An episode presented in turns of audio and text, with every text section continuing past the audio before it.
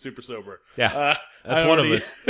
I, I started taking notes in for edit points. like, all right, this needs to be edited. This Yeah. needs to be edited.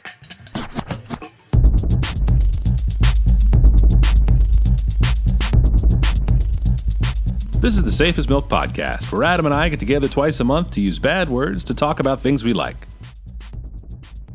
So, Adam, What's up, Mike? you drinking a beer? I am. Uh, I am having a that part Yeah, That part, that part, that part, that part. from the Veil Brewing Company. I did not like that beer. I had one this weekend. Uh, it's not uh super. It's not their best beer.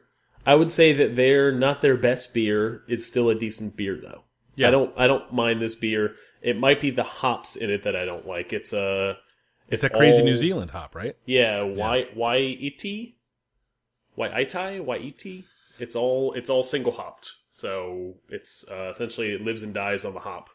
And uh, I like the beginning. I like the aroma. I don't necessarily like the finish. Super weird, right? I had the same experience myself this weekend when I was having one. I was like, oh, uh, you know, these single hop beers, which I've, I've long touted because what it does interesting. It's interesting interesting to learn about what you like on a single hop and then figure out what combinations you like and all that kind of stuff. Yeah. So, uh, beer's so complicated, and that's just IPAs. Ugh, It's all exciting though. I like that there's so many things. I'm a big fan.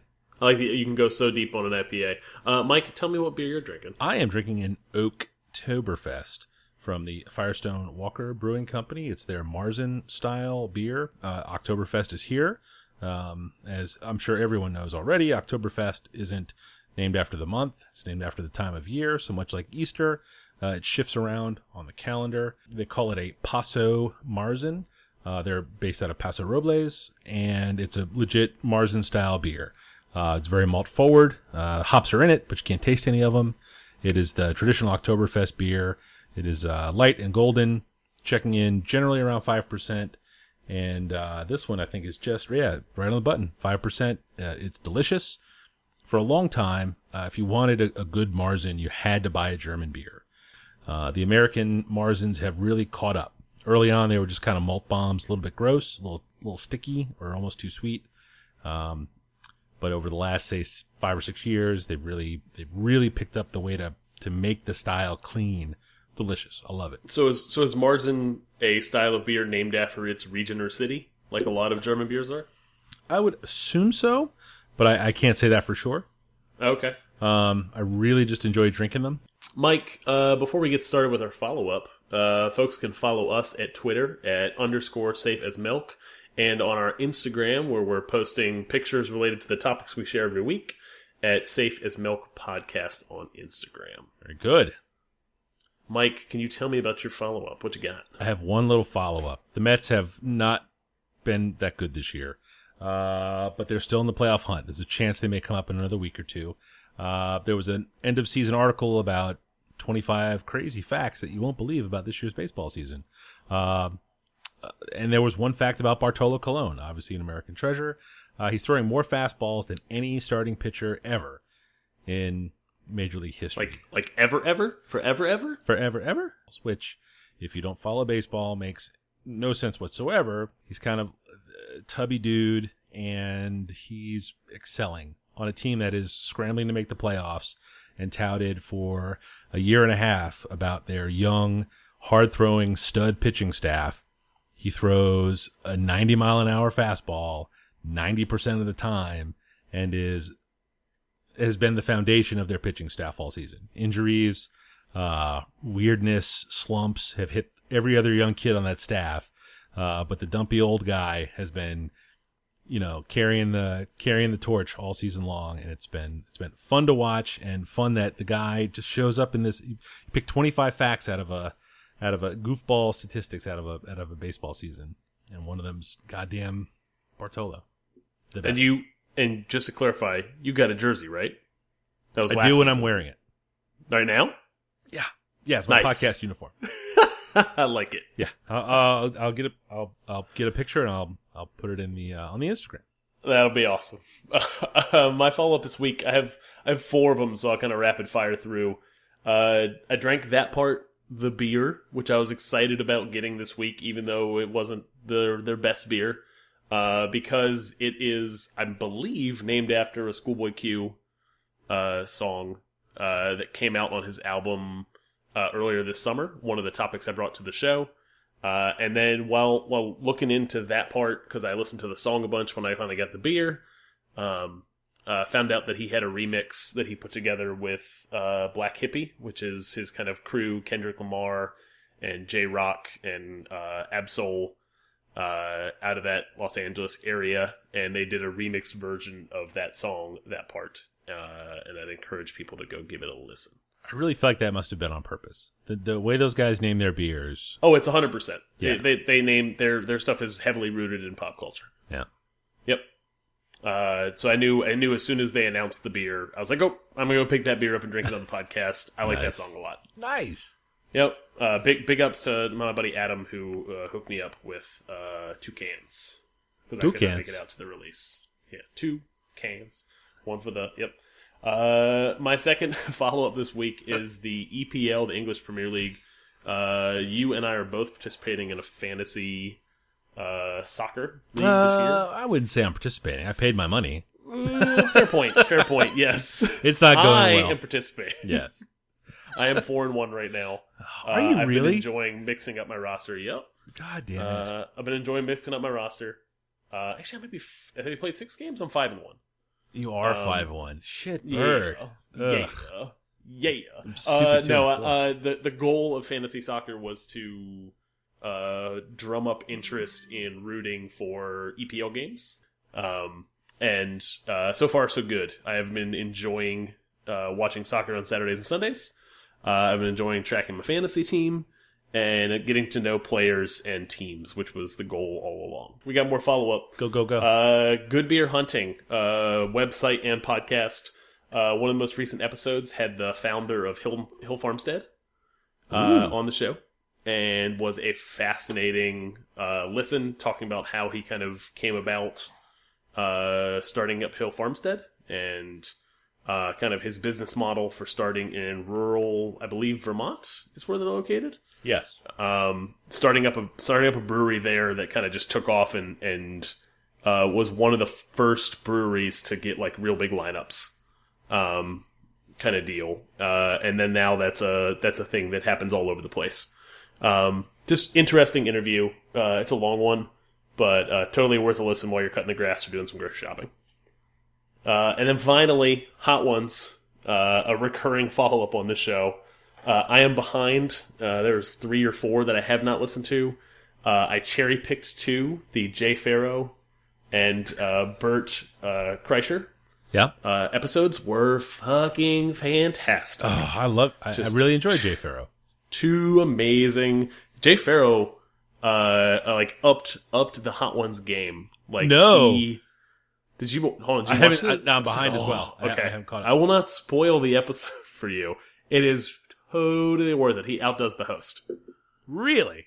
Yes, the first person I've ever seen come on the show who could do more with the the the platform in which the interview occurs than than the host.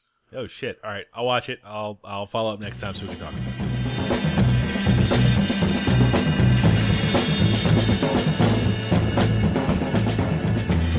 Sure. Uh, my first one is a show uh, on FX that just started up uh, four weeks ago, or yeah, four weeks ago tonight.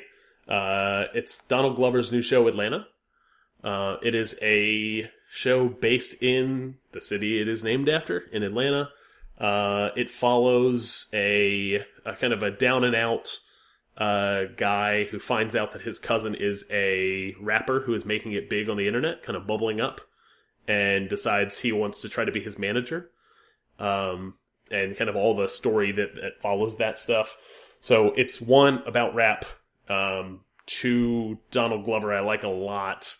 Uh, the, it's really dark sometimes, really serious sometimes, really funny sometimes, and then occasionally like weird and surreal. Like characters will see things that aren't there kind of deal for like a second, and it's not like a drug induced thing Right. um, and also has a fantastic soundtrack. Oh, Uh, have really? Have you caught this show? I have not seen this one yet. Okay. Uh, so it has a, a mix of a soundtrack of stuff you've probably heard of before, like some classic uh, hip hop stuff, and then like we'll roll right into uh, a mixtape that is like r- super new and probably no one's heard of. Who's most most people who are watching the show probably haven't heard of. Uh, like Cousin Stiz, the artist I brought to the last episode, Yeah. has a, a song on the soundtrack of the show. Um, and then Donald Glover is a is a is a famous person. Ac- He is. ac- he's an actor. He's a comedian. He's a rapper that I've counted out a numerous times. Like, didn't think he was great when he was a, a YouTube uh, sensation on the Derrick comedy whatever thing. Yeah. And then he got the show on Community Yep. and I liked him a lot. Uh, he wrote for 30 Rock. Uh, and so I kind of like turned around on him. Uh, he, he started his rap career right around the same time he was doing some network television stuff. And I didn't like the mixtapes he was putting out, but then he consistently put out mixtapes for like five or six years in a row Yeah. and turned me around on that. Like, became an a, a rapper that I kind of really respect and enjoy his music. Um, I've enjoyed his his last two. Like, I think his last thing came out in 2014, and I really really enjoyed uh, that mixtape. What was it called? It had a good name, right? Uh, okay, listen, we're falling apart here. All right. You're falling apart. All right. Uh, no, so so really like his rap now, and he's even done a, a stand up special that I think you can find on Netflix that I really enjoyed as well. Uh, but the show Atlanta is it feels like the culmination of all of that stuff. It's his comedy, it's his writing, it's his it's kind of his his understanding and take on rap and the rap industry. Um, and occasionally he does some serious stuff, and, and that comes out here too. Like it's not preachy when it does like very mild political stuff, right. but it makes it feel like it's part of the everyday story of this uh, television show. huh. And there's uh, I think there's only I think the fifth episode is coming out tonight, uh, Tuesday night when we record. Um, and I've I've been DVRing them and watching them uh, the following nights. So really enjoyed it so far. Uh, what what is it on? Did you say? Uh, FX. oh, really? Yep. Huh. I was. I, Uh, oh, and the the thing that kind of hooked me uh, out the out the out the uh, out the gate was the trailer for this thing was aired all summer and was done in the same style as that hieroglyphic song where they re- where the the music video is all in reverse. oh yeah. Are you familiar with that that that uh that music video? Uh, I know the Pharcyde video that's done that way, Pharcyde. Damn it. Yes. okay, not and that's and that's gonna stay in. ah, that's fine. I got one. All right, Mike, I give up. I give up, Mike. What's your number one?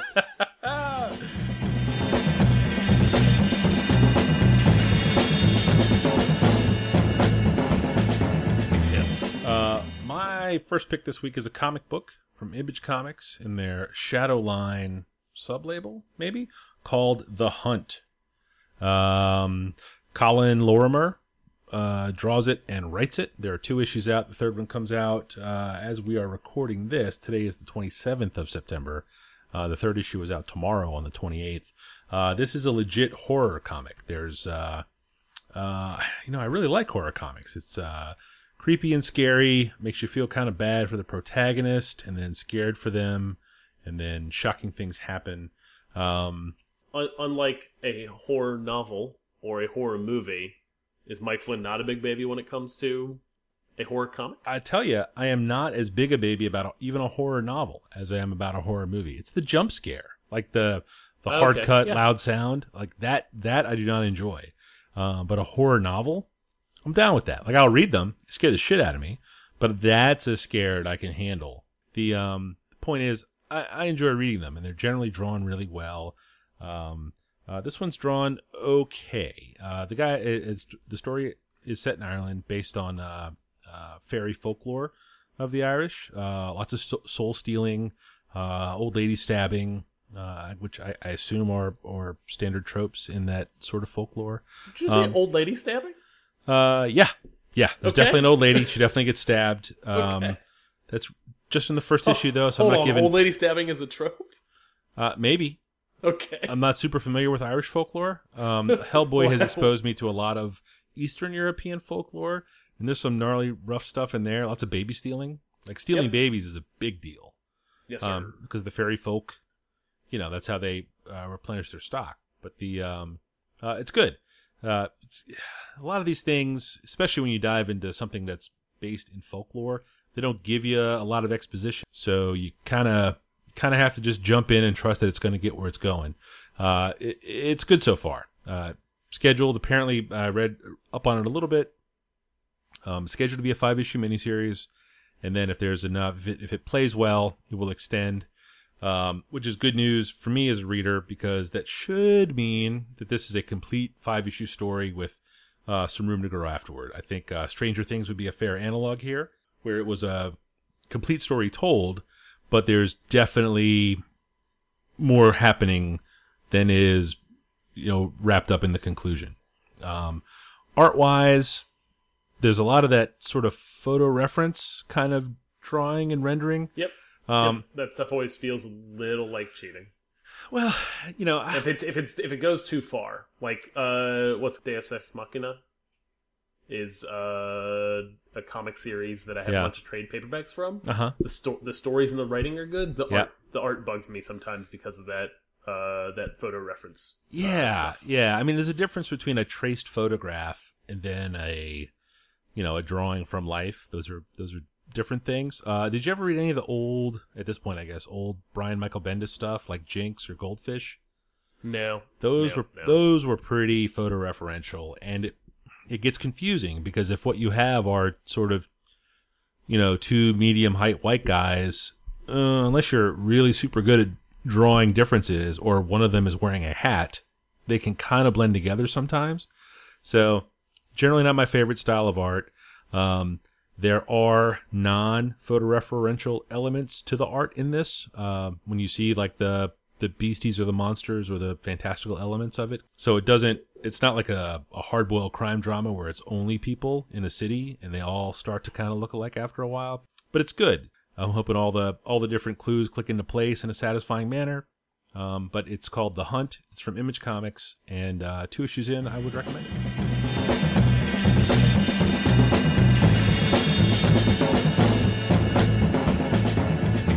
Uh, my number two is a uh, weekly feature from the website Stereogum uh, called Status Ain't Hood. Um, it's a series. It's a feature done by Tom uh, Breihan, I believe is how it's pronounced. Uh, he's a, a writer, a senior editor at Stereogum, and does a weekly column where he focuses on a trend or a topic in rap, or specifically on a young artist, and kind of goes through uh, why they're interesting. And all throughout the article, will kind of drop samples of their music. Usually, it's an artist you've never heard of, or if it's an artist you've heard of, probably one you haven't explored. Um, and he can be a little opinionated about like mainstream rap. Kind of craps on like people like J. Cole and stuff like that Yeah. occasionally. Um, but he is uh, kind of thumb on the pulse of young rappers coming up. Really? Um, and occasionally that means you get rap you just don't understand. Like it's stuff I'm like, okay, I can see why people like this. I don't get it. But does Makes it ever happen where you say, I don't have any idea what's happening here? Like, does that Oh, yeah. happen to you sometimes? Yep. Oh yeah. Yep. I don't. I that totally. That's that is a thing. Uh, what you do get is you you occasionally get something that is eye opening. Uh, to a rapper you hadn't heard of before. Cousin Stiz came came out of this guy. Nice. Um, and then at the end of each column, he does a, a small, uh, a kind of rapid fire thing called the Furious 5 Mhm. where he'll lay out five songs either through YouTube or SoundCloud or WorldStar or wherever. Uh, five songs you should pay attention to for the week. So new stuff that came out. It might be super mainstream. It might be wildly obscure, but he'll give like a little blurb as to why it's interesting. Now, see, Uh, that is the kind of thing I need. And that's a, you know what sometimes if the the article is on a rapper that i listen to their first song and i don't get it i'm Yeah. not going to read the whole article because it's kind of a long form write up Yeah. but i i look forward to to scrolling past that stuff and getting to the furious five Oh, see, I like that a lot. That's that's pretty positive. Now, does I I've kind of gotten out of following Stereogum regularly. Do they um do they still do the mixtape of the week? Yes uh they do a couple of they do songs of the week they do mixtapes of the week and they do those music videos of the week which i think is a topic i brought before Yeah, the music Um, videos for sure. Yeah. Yeah.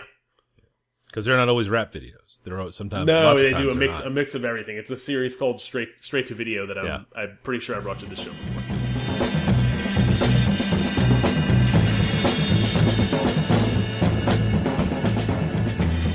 My number two this week is a, another comic book. Um, I'm going all comics this week because I haven't talked about a comic in a while, and I bought, uh, you know, I have some that I want to talk about. Um, Did you did you show up at the comic shop and they're like the box is full? Take all, take all take all of these and you're like, "Oh, I got topics." Guess what, everybody? I got uh, yes, I have topics. Um, this one is called Innsmouth. Uh, is out of Sink Swim Press, based out of Richmond, Virginia.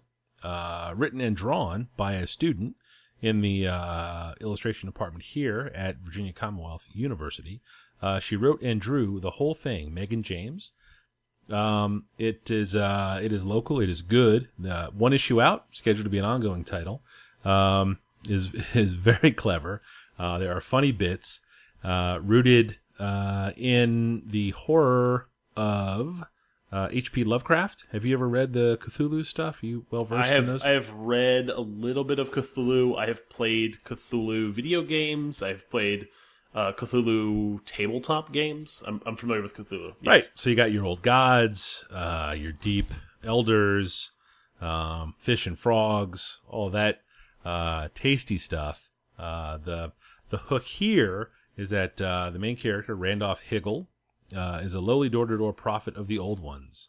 Uh, sort of an analog to Mormon door-to-door kids that ride the bicycles in the uh, Yep. short sleeve shirts and the black ties. Yep, they Um, look hot in the summer. Ugh, those poor kids, man, but they're getting it up the road.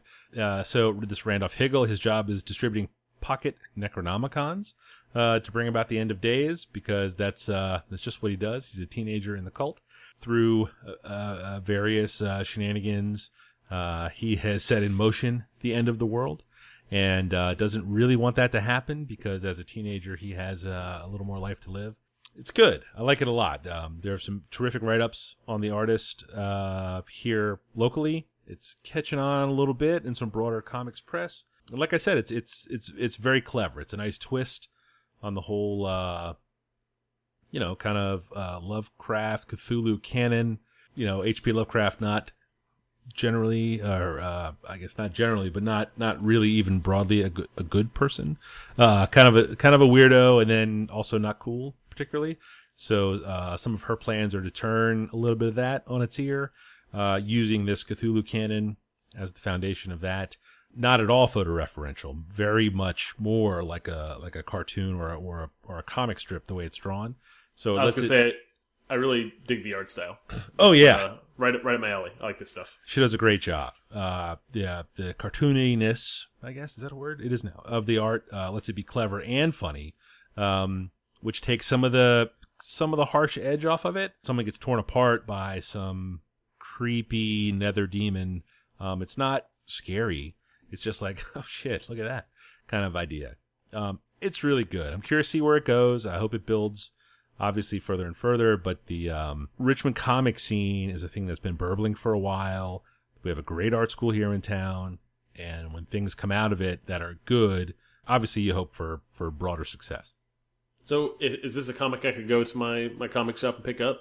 Because Mm-hmm. occasionally these indie things are hard to find. Nope, this one is definitely at my local shop, Velocity Comics, down in and on campus. There was a limited Richmond edition printed, uh, which I assume just has a special cover on it. You know, but it's five bucks well spent. Cool. I have to go pick that up. Yep.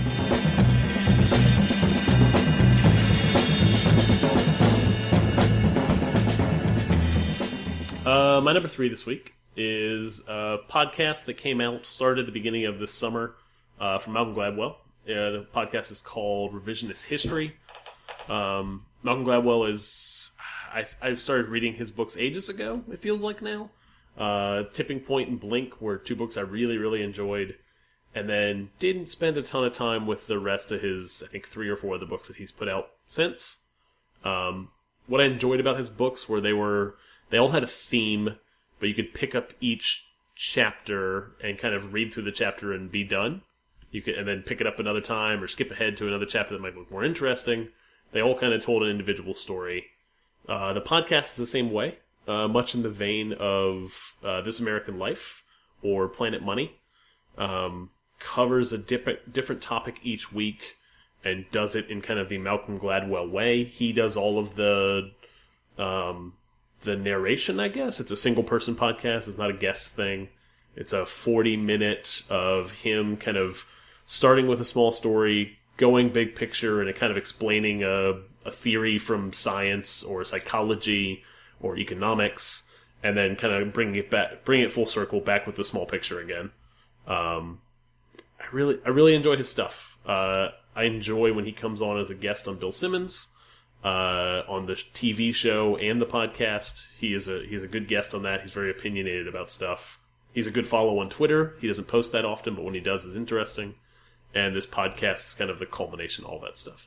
Is there an episode in particular that you Uh, there's recommend? actually a there's a three part in the middle of the season on education that is uh, fascinating. Talks about uh, how money is spent in higher education, um, how money is not spent well in uh, you know K through 12 to get to get uh, lower income folks into higher education, all that kind of stuff. Uh, really, really interesting kind of take and insight on all that.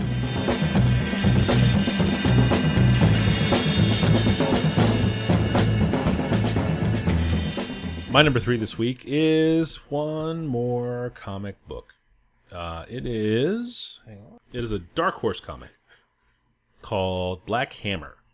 Uh, Jeff Lemire is the writer. Dean Ormston is the artist. It's uh, the plain reading of it is uh, there was a large event that banished five heroes to what seems to be a small rural town they can't get out of, um, and they're not sure how they got there. The sort of meta based really on interviews about, uh, by with Jeff Lemire. They haven't talked about this in the comic yet. Is that uh, uh, the large sort of DC event? You know, like uh, Crisis on Infinite Earths or uh, uh, Secret Wars. Yeah. In the, in the Marvel universe, like they do those things to sort of shuffle the deck and and peel away unnecessary characters. Black Hammer is allegedly the story of what happens to those characters once they're gone, like treating them like real people. Oh, that's kind of cool. Yeah, it's kind of a, it's kind of a neat meta idea. You don't get any of that from the first two issues. Again, this is another one that there are two issues out of. Depending on how good the big reveal is, you know, when they get to if that's if that's the story behind this story, um, that's going to determine how good this comic is. So far, two issues in, it's interesting, kind of exploring the characters. Uh, they're they're transported to this sort of rural 50s era small town uh, which seems contemporary with how their uh, their their characters live. You know, they're portrayed as golden age characters, sound like that Incredibles kind of um, uh, sort of time frame. They don't know how they got there. They know they can't get out of this town, and we're learning about who they are. Um, little dribs of backstory. Um, you know, Lost, the television show, is sort of a seems to be an influence here. You know, you have them acting a certain way uh, where they're not comfortable with some flashbacks to how they used to be. I don't know. Um, if the big secret falls flat, uh, it's going to be disappointing. So if it's just if it's just purgatory, then give up on it. Yeah, yeah, Okay. yeah. But you know, there's there's uh, what do you got? You got a half dozen characters there that are alive. Maybe one of them died in the event, unknown. Um, celebrating some grim anniversary in this in the in the first two issues. I don't know. We'll see how it goes. Um, Jeff Lemire writes good comics. Dean Ormston is draws really well. Um, there's a uh, Entertainment Weekly wrote an article about it. They've been on comics for a while, but you know, for them to write a, a pretty extensive interview with Jeff Lemire about this particular comic says a little something. You know, like it's going to hang around for a little while, I guess. If if you know, It's getting it's getting heat. getting a little getting, getting a little heat exactly so we'll see how it goes i'll buy a couple more but uh black hammer from dark horse press or comics Cool. yeah Uh, I don't love the art on this one again because I haven't read any of these comics. I can only comment on you know a Google image search uh, on this stuff, and you know not super in love with all of it.